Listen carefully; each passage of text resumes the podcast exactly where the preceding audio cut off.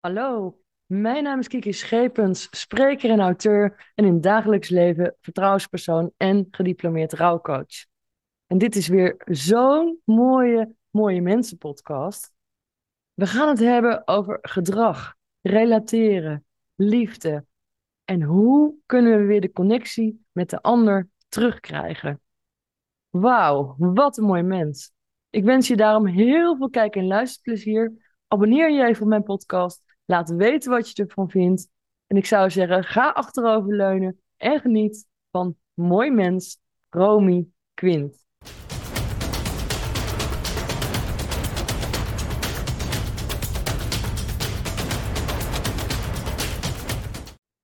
Welkom bij de Mooie Mens podcast, Romy Quint. Dankjewel. Leuk om hier te zijn. Ik vind het ook leuk dat jij te gast wilt zijn, want ik denk dat we aardig wat te bespreken hebben. Maar voor de mensen die jou niet kennen, ik zou zeggen, Romy, stel jezelf even voor alsjeblieft.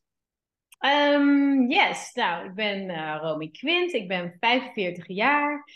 Um, ik heb heel veel gereisd in mijn leven, ook heel veel verschillende studies gedaan. Dus eigenlijk al heel, heel veel ondernomen. Um, echt ook langdurig in het buitenland gewoond, veel levenservaring opgedaan. Um, ik zat eigenlijk in de toeristische sector en ik ben vanaf mijn dertigste gaan omscholen. Um, en het omscholen, uh, dat was meer gericht op de psychologie en de gedragswetenschap. Um, ja, eigenlijk, ik was eigenlijk aanvankelijk een soort uh, opleidingsjunk. Dat ik zeg maar nooit stopte met meer leren over persoonlijke ontwikkeling. En dat deed ik eigenlijk ook al toen ik nog in de toeristische sector werkte. Um, en uiteindelijk uh, ben ik wel mijn vak gaan maken van de, de, psychologische kant. Dan ben ik gaan ondernemen op dat vlak. En in de coronatijd ben ik eigenlijk ook nog heel veel uh, naast mijn werk gaan doen. Um, uh, ja, maatschappelijk impact veroorzaken en meer ja, bewustzijn, hè, een bijdrage te leveren aan, aan het maatschappelijke bewustzijn. Ja. In de vorm nou ja. ja, Vrouw voor Vrijheid bijvoorbeeld, en bijdrages bij Blackbox, dat soort dingen. Dat is een van de redenen waarom ik je heb uitgenodigd. Want uh, gedrag, ik kom er natuurlijk zelf in mijn werk ook heel veel tegen. Maar jij bent gedragsdeskundige. En ja, sommige mensen gedragen zich normaal. Wat is normaal? Maar je hebt tegenwoordig, zie je ook wel, lijkt het voor mij steeds meer rare mensen. Ja, de, volgens mij heb ik vanmorgen nog iets op uh, Instagram gepost van We live in a madhouse. Dus ik, hoewel ik heel veel kan hebben en in heel veel, met heel extreem gedrag wel mee kan en eigenlijk alles wel uh, ja, normaal vind of abnormaal vind, dat ik daar niet zo snel een oordeel over heb, zie je natuurlijk inderdaad wel een, uh, een maatschappelijke uh, ja, verschuiving. En dat ook mensen dingen nu belangrijk gaan vinden die, die we voorheen niet zo belangrijk vonden. Of dat er, hè, dat er gewoon ja, ontwikkelingen zijn op het gebied van, uh, van values en, uh, en gedrag. Absoluut, ja. En is soms even wennen. En het is ook soms, um, ja, dat ik, dat ik de, de, de, ik ben me altijd eigenlijk heel erg bewust geweest van het shifting baselines. Dus op het moment dat je zeg maar naar nieuw, naar nieuwe situatie uh, of in een nieuwe situatie terechtkomt. Dan, ja, ik hou altijd ook graag uh, het idee van het oude vast. Zodat je, ja, je, je kan een spectrum verkennen, maar het is eigenlijk zou zonde zijn als je de hele andere kant van het spectrum kwijtraakt, zodat je daar ook niet meer naar terug kan. Dus denk, heel extreem voorbeeld, maar denk aan de Chinese maatschappij, waar natuurlijk uh, massacontrole en, en een social credit systeem al langer hè, normaal zijn. En ook het, heel, het hele idee van wat de maatschappij is, of hoe je daarin functioneert, of je meer een soort van individueel daarin functioneert, of als een homogene, hè, of als een soort, met een soort wijgevoel, dat is, dat is dan al zo lang op de manier waarop zij daar nu leven, dat ze eigenlijk niet meer weten hoe het is om niet zo te leven. En dus ja, verlegt dat, dat spectrum verlegt zich eigenlijk. De, de, het, oude, het oude normaal bestaat dan niet meer. En dat uh, zie ik liever niet gebeuren. Het spectrum verkennen is één. Maar het, uh, de, de, ja, de andere kant van het spectrum, zeg maar, deels kwijtraken, dat ja, vind ik een beetje spannend soms. Nou ja, ik, ik meen te begrijpen wat je bedoelt. Als ik mijn eigen kleine omgeving alleen al kijk naar bijvoorbeeld als je de apotheek binnenkomt, dat mensen gewoon soms een meter opzij, nou bijna springen. Dat ik denk van jongens, doe even normaal, denk ik dan. Ik zal dat niet uitspreken. Hey, ik hoor een gezellige bezoeker op jou. Je zit opgesloten dat ze niet hier naast me gaat zitten blaffen, maar Geeft, geeft niks. Nee, maar dat ik denk van, van hè? Wat, wat gebeurt hier nou eigenlijk? Hoe heb jij dat de afgelopen jaren uh, gezien als professional, maar ook als mens ervaren? Want ik vind het echt heel, heel vreemd. Ja, um, nou ja, wat ik vooral gezien heb, is dat het een. Uh... Kijk, voor mij was het heel makkelijk aanvankelijk om te doorzien wat er gebeurde en ook daar niet in mee te gaan, omdat het, um, het al vrij snel een, um, een tendens kreeg van als je door deze hoepel heen springt, dan mag je weer vrij zijn, zeg maar. Dus vrijheid werd, werd voorwaardelijk en er werden uh, dingen aangekoppeld zoals prikken. En achter, um, of eigenlijk voor die hoepel, werd dan ook een borst gehangen in de vorm van iemands waarde. Dus, dus uh, denk aan Jan, dansen met Jansen, zeg. Snap je? Dus als je zeg maar mm. ging prikken, dan mocht je weer um, uh, uitgaan of uh, naar de horeca. En als je ging prikken, dan kon je weer op vakantie en reizen. En um, ja, dat is, dat is heel ja, duidelijk voor mij zichtbaar geweest. En daarom ook vond ik het eigenlijk niet zo raar wat er gebeurde, maar eigenlijk ook heel logisch. En zat het spel psychologisch eigenlijk wel slim in elkaar. Mensen die, die vinden bepaalde dingen belangrijk en daar zijn ze bereid moeite voor te doen. Dat is gewoon hoe gedrag en hoe mensen werken en daar is dat op uitgerold eigenlijk.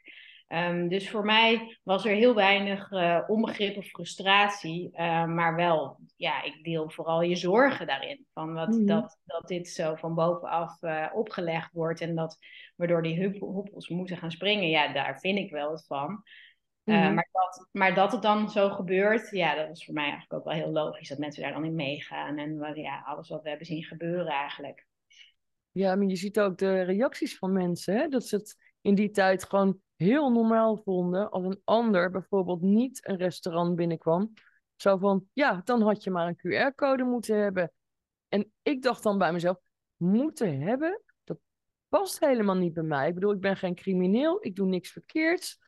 Ik wil zo graag bij mezelf blijven. En dat hoor ik van meer mensen. Maar hoe, hoe zie jij dat? Het lijkt wel of steeds meer mensen af en toe ja, verwijderd raken van zichzelf. Dat ze hun authenticiteit verliezen. Ja, ook dat zit vernuftig in elkaar. Er is natuurlijk de illusie gewekt dat, um, dat je via vaccineren een massa-immuniteit uh, kan krijgen.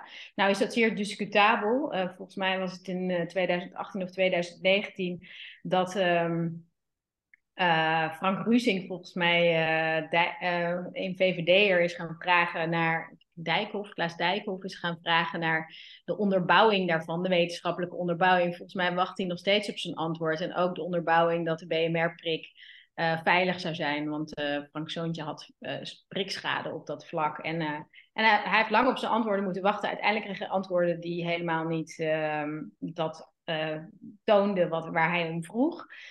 Um, dus, maar goed, de massa is, is ervan overtuigd dat, al, dat we dus allemaal moeten prikken en dan pas is het veilig. Dus in die tijd hebben heel veel mensen natuurlijk het andere kwalijk genomen dat ze niet prikten vanuit angst van ja, dan word jij ziek. Uh, later, eigenlijk al heel snel, volgens mij was het zeg maar in de eerste, um, ja, uh, naar buiten treden van Pfizer, dat ze gingen vertellen over, dat waren dan ook soort van, um, hoe noem je dat ook alweer? Dat ze, dat ze net als Rutte en de jongen de hele tijd, um, uh, ja, praatjes hielden, zeg maar zo, hield Pfizer, kan even niet op het woord komen.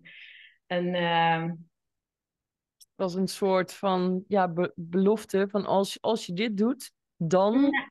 Nee, nee, nee. Zij, zij vertelde gewoon dat ze niet wisten of transmissie tegen werd gegaan. Al mm -hmm. voor het uitrollen eigenlijk. Mm -hmm. Dus die angst van mensen, angst voor de ander eigenlijk, of angst voor je oma en dat soort dingen, dat zat er zo in. Terwijl eigenlijk de farmaceut zelf ook zei van ja, we weten niet wat het doet met transmissie. Dus wat voor massa-immuniteit ontstaat, dat was helemaal niet duidelijk of gegarandeerd. En toch was dat hetgene waar mensen dan dat gedrag op toonden, hè? die angst en, uh, en eigenlijk de, de um, beperkende overtuigingen die ze bij zich dragen. En die zijn, uh, die, die zijn geplaatst eigenlijk in de media. Mhm. Dus die, um, dat is voor mij ook weer heel logisch. Als je een overtuiging hebt die niet klopt en je hebt daar een beetje angst bij, ja, dan krijg je dit, dit is de reactie dan van mensen ten opzichte van elkaar. En dat is wederom heel jammer, maar, maar ook wel heel logisch.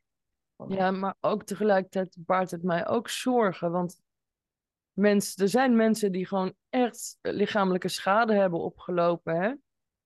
En die kunnen nu nergens aankloppen. Ze kunnen nergens terecht, nergens verhalen. Maar hun leven is gewoon verwoest. Ja, ik ken er een paar persoonlijk ook. Via de kanalen van Vrouw voor Vrijheid klopten veel uh, mensen bij mij aan. Mm-hmm. Uh, ik was uh, eigenlijk de eerste in lijn van de contacten, zeg maar, die op ons afkwamen. En ik heb, um, ja, sommige die ken ik dan nu al daar ja, jaren. Heb, maak je dat hele proces eigenlijk mee van van wat dat doet. En dat is heel heftig. En, um, en nog steeds wordt dat niet erkend. Er zijn gelukkig wel wat initiatieven om te proberen om die erkenning en dat zicht erop wel um, uh, ja, hè, te bewerkstelligen. Denk aan uh, Your Clinic. Jorine Hamming is daarmee bezig. En ja, hopelijk komen er meer van dat soort initiatieven. Ja. En als mensen daarmee worstelen, zouden ze dan jou eventueel ook kunnen benaderen daarvoor? Of wellicht ergens anders terecht kunnen? Worstelen met prikschade bedoel je? Ja. Um, ja, emotioneel gezien altijd. Ik bedoel, met, met uh, ja, hè, emotionele vraagstukken, daar uh, kan ik altijd mee uit de voeten. Maar natuurlijk het medische stukje, dan, uh, ja, dan, dan zijn er ook oplossingen. En ze kunnen zeker contact met me opnemen, omdat ik wel um, um, veel van andere mensen die prikschade hebben hoor wat ze doen, bijvoorbeeld. Mm-hmm. Dus ja, ik kan daar wel uh, dan wat over delen. Zeker. Ja, oké, okay, dank je. Want uh, jouw website waarop je te bereiken bent, dat is... Quint Relatietherapie. Ik ben uh, in Nieuw-Zeeland begonnen in 2009 als Quint Essential Coaching. Dus um, dat was wel een leuke woordspeling met mijn achternaam in het Engels. En ik heb aanvankelijk hartcoherentietrainingen en um, ja, stress en conflict resolutions bij bedrijven gedaan. Dus het was meer om te zorgen dat werknemers lekker in hun vel zaten en relatief uh, uh, ja, stressvrij kun, konden functioneren. Uh, dat zorgde ervoor dat ik, ja, ik kreeg, had wel heel veel plezier in mijn vak, maar ik ben later naar de particuliere markt gegaan omdat ik daar wat meer verdieping kon vinden. Vaak zaten er op het werk toch persoonlijke problemen lagen er aan de stress ten grondslag. En daar kon mm. ik eigenlijk niet uh, mee aan de slag bij die bedrijven zelf. En in de particuliere sector kan ik wat dieper met mensen uh, aan de slag. En uh, ja, dus uiteindelijk ben ik op die manier ga, meer gaan nichen en richting het relationele gekomen. Dus vandaar nu Quint relatietherapie. Quint relatietherapie. Maar ik vind het wel mooi, want dan heb je duidelijk zelf je eigen leiderschap genomen over wat jij intrinsiek mooi vindt om te doen.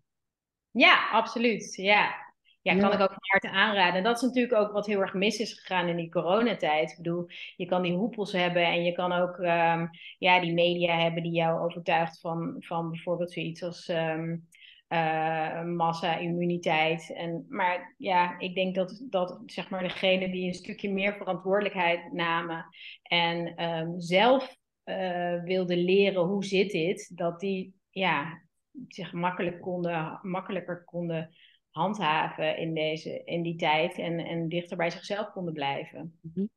Ja. Nou is het voor veel mensen best moeilijk om zelf verantwoordelijkheid te nemen. Klopt dat?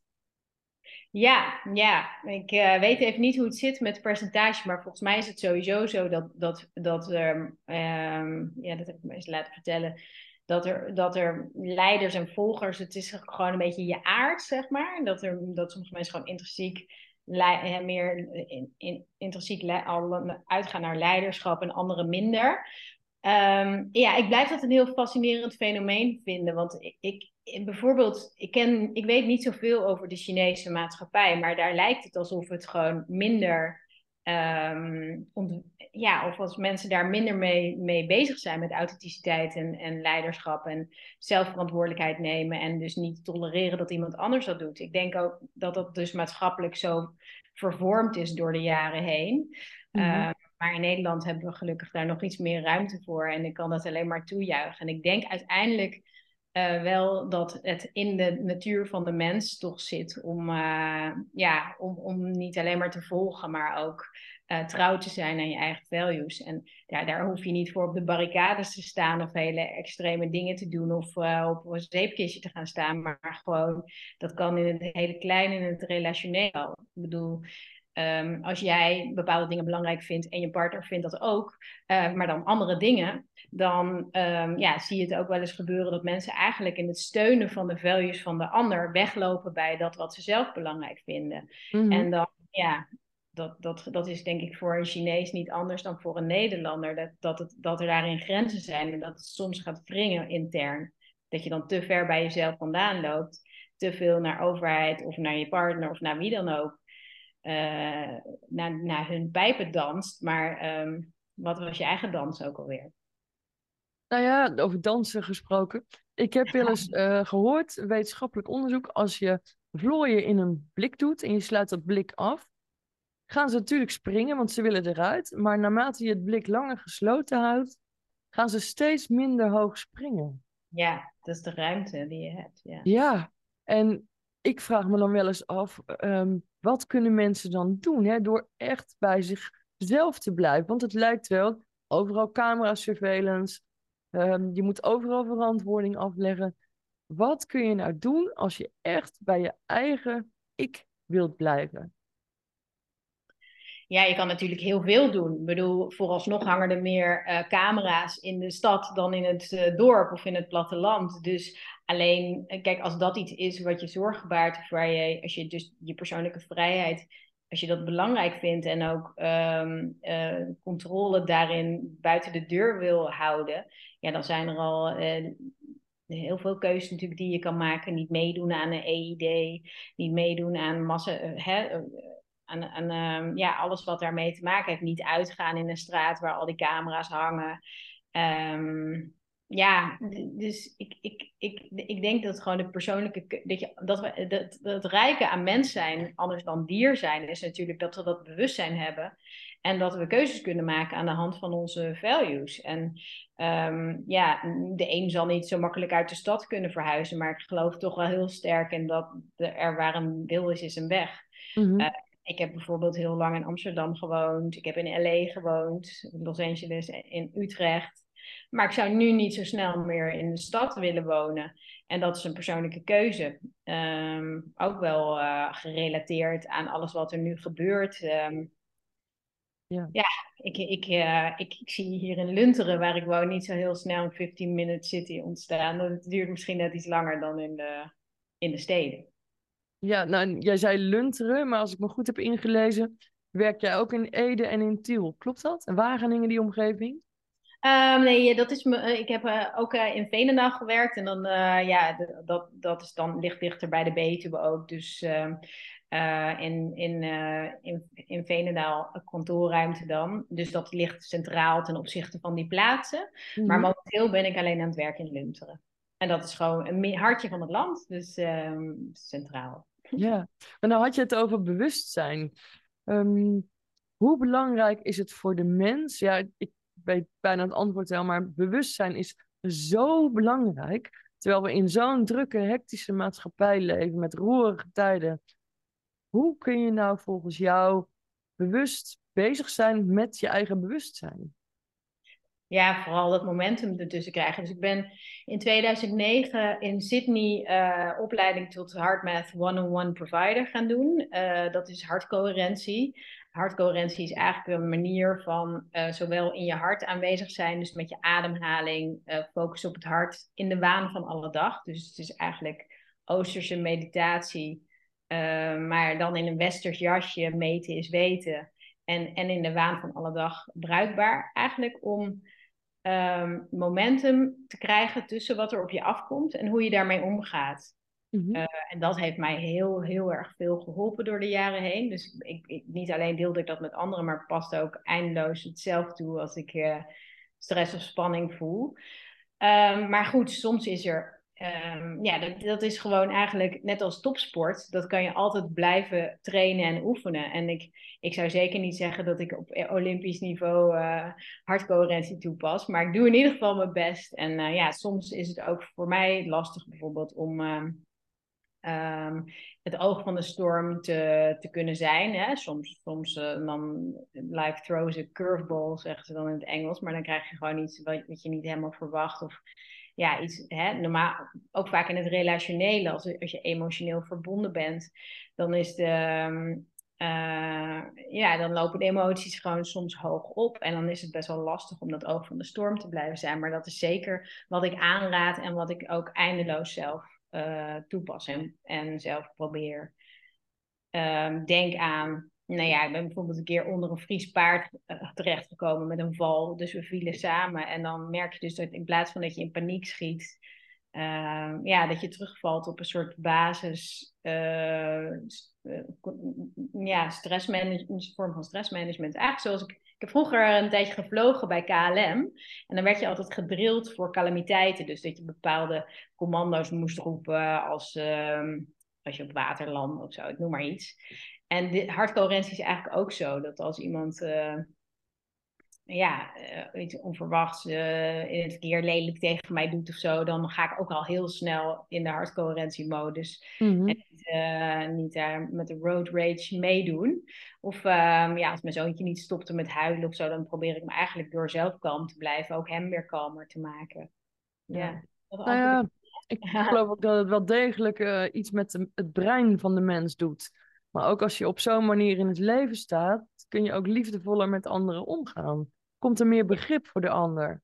Ja, nou ja, dat, dat is ook letterlijk zo. We gaan, um, als we zeg maar gestrest zijn of boos, gaan we naar een ander gedeelte van ons brein. En als je eigenlijk intern weet te, jezelf te kalmeren of tot rust, of meer tot rust te brengen relatief, uh, dan, dan um, kan je naar een ander gedeelte van je brein. Dus ja, in de technieken die, die ik toepas in mijn praktijk is het ook soms helpend gewoon om twee uurtjes even afstand te nemen, te stoppen met het gesprek en dan een twee uur later weer op te pakken. Heb je ook een heel ander gesprek. Dat doet eigenlijk hetzelfde. Mm-hmm. Als er gewoon, als de spanning niet heel hoog oplegt, ja, uh, oploopt, dan is de, ja, de ademhaling en eigenlijk je rust bewaken ook al heel erg helpend. Maar ja, dit, voor mij is dit ook een ongoing process om dit te oefenen en toe te passen. En, uh, en daarbij, ik, ik ben ook geen heilige daarin. Uh, uh, ja, soms lukt dat gewoon niet omdat het te hoog oploopt en dat we te veel emotioneel geraakt zijn. Dan is het eigenlijk slim om gewoon even te stoppen met het gesprek en het later op te pakken. Nou ja, we zijn allemaal mensen, denk ik dan. Ja. Maar wat ik, wat ik me wel afvraag, Romy, ik weet niet of, of jij die vraag kunt beantwoorden, maar in hoeverre werkt het mannelijke brein dan anders dan het vrouwelijke brein? Want ik heb me wel eens laten vertellen dat, dat daar heel veel verschillen in zitten. Weet jij daar wat van? Nou, het is niet zozeer dat het die, ja, dat brein functioneren, dat gebruik ik eigenlijk nooit. Ik heb daar wel iets over gelezen, maar niet zoiets wat ik nu zou kunnen reproduceren. Wat ik eigenlijk het meest uh, bespreek in mijn praktijk en wat het meest eigenlijk. Het is vaak zo dat mensen bepaalde voorbeelden geven van wat lastig is voor ze. En dan kom ik eigenlijk altijd met deze woorden. En dat is: um, A woman has to feel good in order to perform well. And a man has to perform well in order to feel good. Juist. Dus in verschillen tussen mannen en vrouwen is het eigenlijk zo dat we eigenlijk vrouwen tot een beter resultaat komen als ze eerst zich veilig en prettig voelen. En dan kunnen ze gas geven, zeg maar. En die mannen geven graag eigenlijk eerst gas. Dan doen we het. En dan uh, voelen we ons daarna beter. Dus dat omgekeerde werkt soms tot getouwtrek en gedoe eigenlijk. Omdat dan de een dat wat hij wil aan de ander probeert op te, op te leggen. Of vice versa. En daar kom je eigenlijk niet uit. Het is... Um, uh, eigenlijk moet je daarin dan steeds het scherpst van de snede vinden. En uh, ja, de oplossing ligt dan bij toch een beetje zorgen dat hij kan doen en zij kan prettig zich voelen, zeg maar. Ja, dat, en dat zit dan in heel veel facetten van het leven. Niet alleen in intimiteit, maar ook in, ja, in heel veel. En het is heel grappig dat het niet eens een wijsheid is die ik uit, um, uit studies heb of uh, allemaal opleidingen, maar gewoon uh, een ehm, een opmerking die iemand ooit tijdens een paardrijdtocht in Nieuw-Zeeland tegen me maakte. En die mij zo bij is gebleven. En, en door de jaren heen ja, zie ik hem steeds eigenlijk terugkomen in, voorbeelden van waar mensen mee aankloppen. Maar het is ook heel logisch eigenlijk. Want als je kijkt naar conceptie, uh, en het mannelijke en het vrouwelijke, dan gaat het mannelijke gaat meer over doen, doing, en het, en het vrouw meer over het being. Ik bedoel, het, de, de eicel die, die zit daar te zitten en de, en de, de spermacel is aan het uh, zijn best aan het doen en aan het uh, hard aan het werk, zeg maar. Dus dat, ja, dat zit eigenlijk, dat zie je in heel veel dingen terug. Um, mm. Wat mij ook opvalt aan verschillen tussen mannen en vrouwen is Um, dat er soms heel veel woorden gegeven worden aan dingen door vrouwen en mannen gewoon wat meer um, ja, de introvert en de, de, de, weg voor minder woorden bewandelen. En ja, dan is het ook mooi om, om werkmethodes te gebruiken waarin uh, dat daar ook het scherp van de snede gevonden wordt. Dus je kan eigenlijk, ik werk bijvoorbeeld met een methode die heet EFT, Emotionally Focused Therapy, en daarin ja, kan je als je omschrijft wat je voelt, dus als je ergens uh, gewoon uh, boos over bent, bij wijze van spreken, en je zegt daarbij wat, wat je zou helpen, dus wat, wat uh, zou oplossen voor jou, dan hoef je daar helemaal niet hele wollige verhalen of dat je eindeloos moet gaan onthullen over je emoties of zo. Dat kan eigenlijk super beknopt. En dan, ja, dan is het eigenlijk best wel te doen. En dat, dat, is, dat is wel een hele mooie methode om, om wel te communiceren, maar niet eindeloos in bollige taal te verzanden. nee, nee, nee. Nee, maar dat geloof ik ook wel. En wat jij zei, het gaat niet alleen om liefdesrelaties. Maar ik denk in alle relaties met als doel om weer die connectie te krijgen of te verbeteren en te behouden. Ja. Dat, dat is zo belangrijk. En daar zie je vaak dat mensen elkaar kwijtraken. Dat is zo ja. zonde. Ja, wat je vaak ziet is dat je eigenlijk krijgt dat mensen, twee mensen zenden, maar niemand ontvangt. Dus mhm de, met het zenden is niks mis, is vaak, maar met, met het ontvangen wel. En dat is eigenlijk best wel zonde. Ja. Ja, nou ja, die, ba die balans moet er zijn, vind ik. Ja, maar dat is, dat is, um, dat is steeds, blijkt dat weer moeilijk. Um, ja, nu heb je bijvoorbeeld weer, gaan we wel of niet stemmen, discussies, gingen we wel of niet prikken, discussies. En ja, in welke mate wordt er echt het standpunt van de ander echt aangenomen? Want je moet daar eigenlijk voorbij je eigen values en perceptie gaan. Mhm. En echt denken van oké, ik denk dit. Um, maar um, ja, misschien bedenk jij iets wat er wel van ik denk echt koekoek, maar ik kan het wel gewoon aannemen. Dus ik, mm dat, dat, dat is vrij moeilijk. Ik, heb, ik werk met um, ja, ik, ik werk met beeldtaal ook. Dus dat is uh, aan de hand van Playmobil. Ik geef daarmee handen en voeten aan, aan iets wat heet contextuele therapie. Mm -hmm. En ik heb het heel lang, elke keer als ik dit tegenkwam, dat mensen eigenlijk niet kunnen ontvangen, heb ik me afgevraagd van hoe kan ik dat nou eigenlijk in de beeldtaal neerzetten. En op een gegeven moment ben ik gewoon een, uh, een kampvuurtje van Playmobil erbij gaan pakken. Van, weet je wel, als, aan, kijk eens eerst even naar dat, naar dat knisperende vuurtje. Of gewoon, en ook als dat gewoon de mening van een ander is, neem eens even heel veel ruimte daarvoor. Om dat eerst eens even gewoon daar te laten liggen. In plaats van meteen wat jij ervan vindt eroverheen te knallen. Zodat, ja, zodat je tot dat, dat niet helpende twee keer zenden niet ontvangen komt. Nee. Dat, uh, het aannemen van iets wat echt voor jou ja, niet, niet, niet jouw waarheid is, dat is voor veel mensen best wel lastig. Zeker. Nou, nou ga ik zelf altijd zoveel mogelijk uit van het principe: ik ben oké, jij bent oké. Totdat het tegendeel echt bewezen is. Um, maar het, het is zo jammer, vind ik, dat mensen dan vaak ja, in ruzie uit elkaar gaan. Nou, schreeuwen en zo heb ik helemaal een hekel aan. Um, ja, waarom luisteren we eigenlijk niet gewoon wat meer en beter naar de ander. Is dat eigenlijk ook wat je wilt zeggen? Ja, ja. En soms is het gewoon door dat bespreekbaar te maken, lukt het dan wel. maar soms hebben we ook redenen om dat alsnog niet te doen. Er zijn soms motieven om vast te houden aan oude overtuigingen of gewoon de boodschap van de ander niet te willen horen. Um, wat je ook heel vaak ziet, is dat iemand bijvoorbeeld iets probeert te zeggen en dat komt niet aan. En dan gaat diegene dat steeds steviger zeggen. En op een gegeven moment is het zo stevig dat er wel wordt gehoord dat iemand iets stevig zegt. Maar de boodschap komt nog steeds niet aan. En dat is eigenlijk wel een heel frustrerend proces. Want ja, wat, en wat dan precies de reden ervan is dat die ander de boodschap niet wil horen. Ja, kan, uh, kan, kan, kunnen traumatische dingen zijn dat je iets aanraakt waar iemand eigenlijk niet heen wil. Of uh, ja, gewoon blinde vlekken kunnen dat ook zijn. Maar soms moeten we daarin ook gewoon ons verlies nemen. En dan kan je alle gesprekstechnieken erop loslaten die bestaan. Maar dan, dan is het gewoon ook soms beter om even afstand te nemen. Ja, ja je, tenminste, ik, ik merk dan vaak ook dat echt de integriteit van anderen wordt aangetast.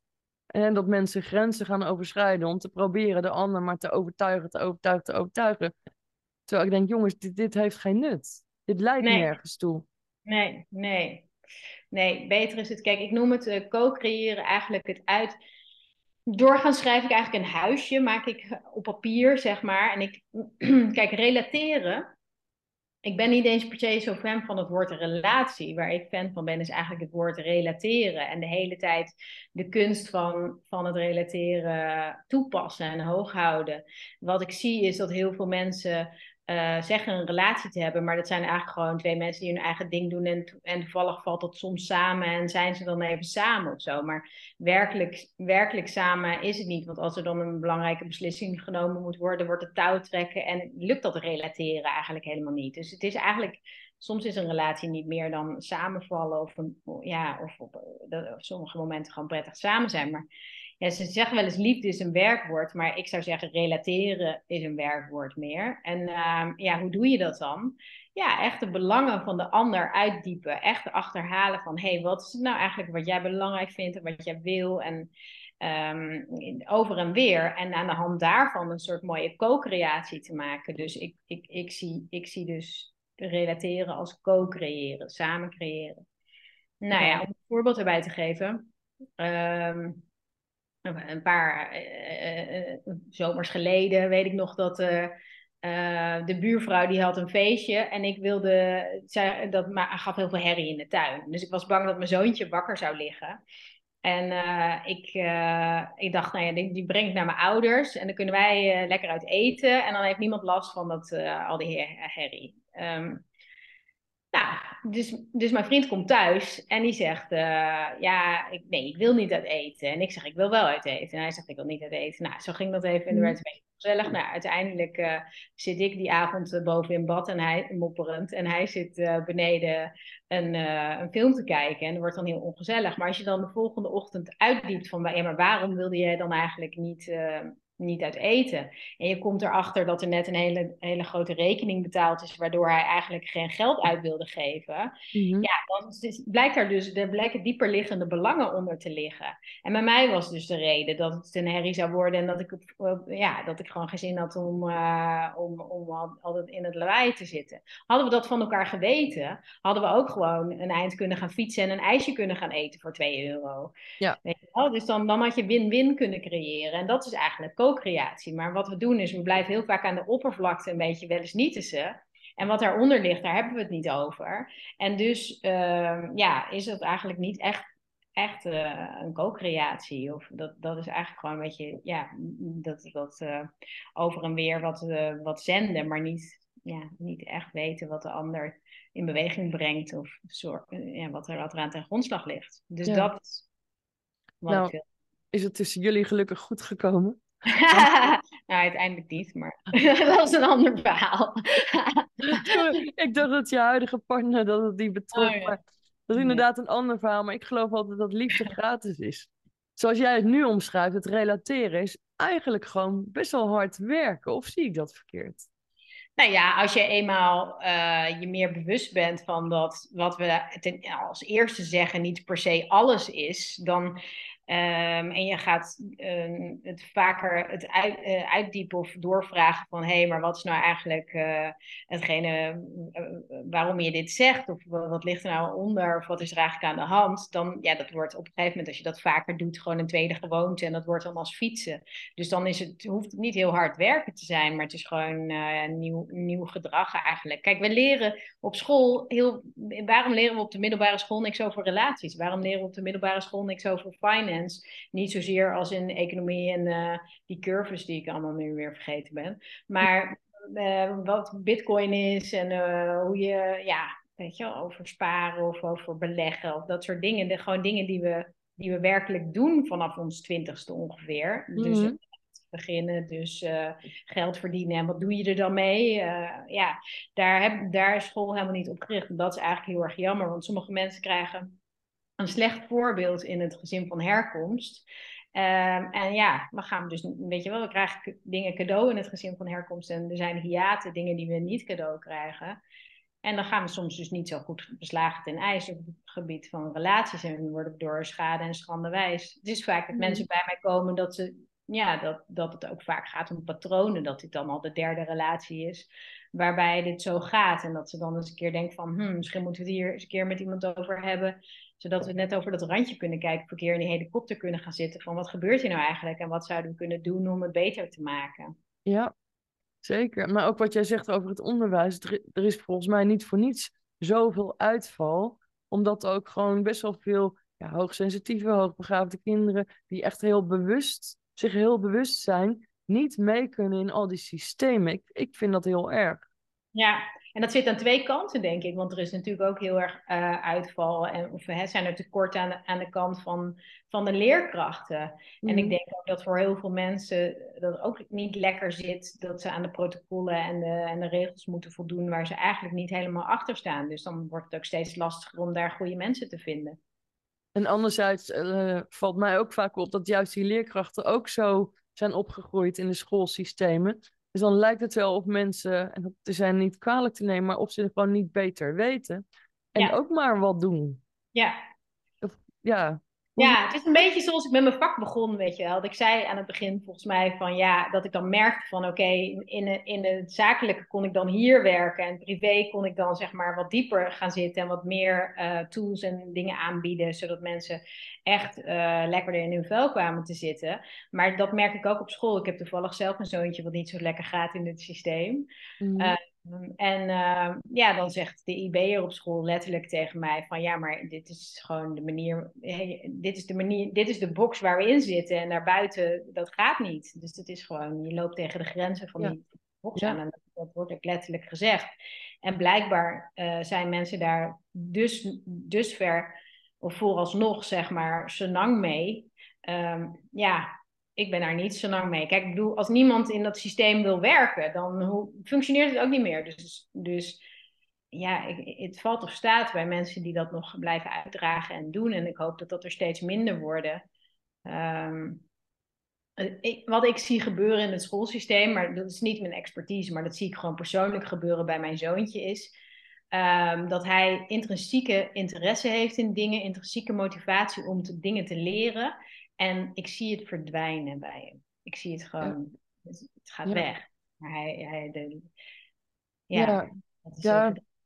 dus hij moet dingen leren die hij niet wil leren. En wat hij wel wil leren, dat leert hij daar niet. En dus ontstaat uh, van, hij snapt het gewoon niet. Ik meen jou wel te snappen, want mijn zoontje is inmiddels bijna 19, maar die liep daar ook tegenaan. En je hmm. loopt dan echt tegen een muur aan. En ja, daar valt ook nog van heel veel te verbeteren. Maar goed, wat je al zei, dat is niet mijn expertise. Terecht. Nee. Nee, uh, ik, maar ik zie natuurlijk wel het gedrag daarin, zeg maar. Dat hij ook hij heeft waarde en, en intrinsieke motivatie. En ja, zo, zo, zolang het uh, een leraar niet kan overbrengen aan een kind dat wat zij hem wil leren, waar dat uh, een brug slaat met de intrinsieke values van een kind, dan, dan ga je niet voorwaarts komen. Want nee. die, niet. Ieder, en dat is bij iedereen. Ehm, bijvoorbeeld, um, nou ja, bijvoorbeeld. Eh, ja, als je, als je zeg maar je, de, je doelen of de dingen die je wil kan koppelen aan de, aan de value, dan kan je al het voorbeeld. Om een voorbeeld te geven, ik zal mijn ex heel, heel laten dat ik niet allemaal voorbeelden over onze relatie ga vertellen, maar gewoon even erbij laten. Kijk, in januari zeggen heel veel mensen: ik wil fit en gezond worden. En dan uh, vraag je 30 januari, uh, ben je fitter en gezonder? En dan uh, zegt ze soms ja, maar soms, heel veel mensen zeggen dan ook nee. Ik ben eigenlijk alleen maar naar, naar nieuwjaarsrecepties en borreltjes geweest. En het was een hele gezellige maand, maar ik heb niet zoveel gesport. Nou, als, je, als je hun values gaat achterhalen, dan kan het dan heel goed zijn dat die mensen hun sociaal leven eigenlijk veel belangrijker vinden dan sporten.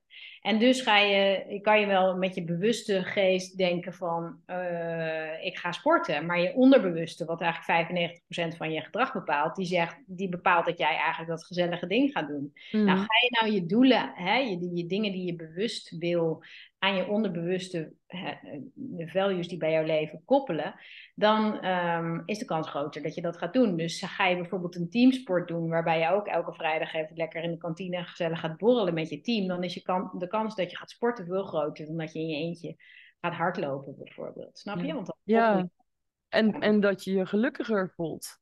Ja. ja, en zo zou het ook op scholen eigenlijk moeten gaan. Dat je, ja, mijn, mijn, mijn zoontje vindt biologie en uh, de natuur heel interessant. En als hij dus via dat natuurlijke en, en alles wat er, wat er te leren valt over biologie en beestjes en natuur, als, als, als het rekenen daaraan gekoppeld zou zijn, zou het al een heel ander verhaal worden. Maar ja. zo tafels leren en zo, ja, ik snap echt niet waarom.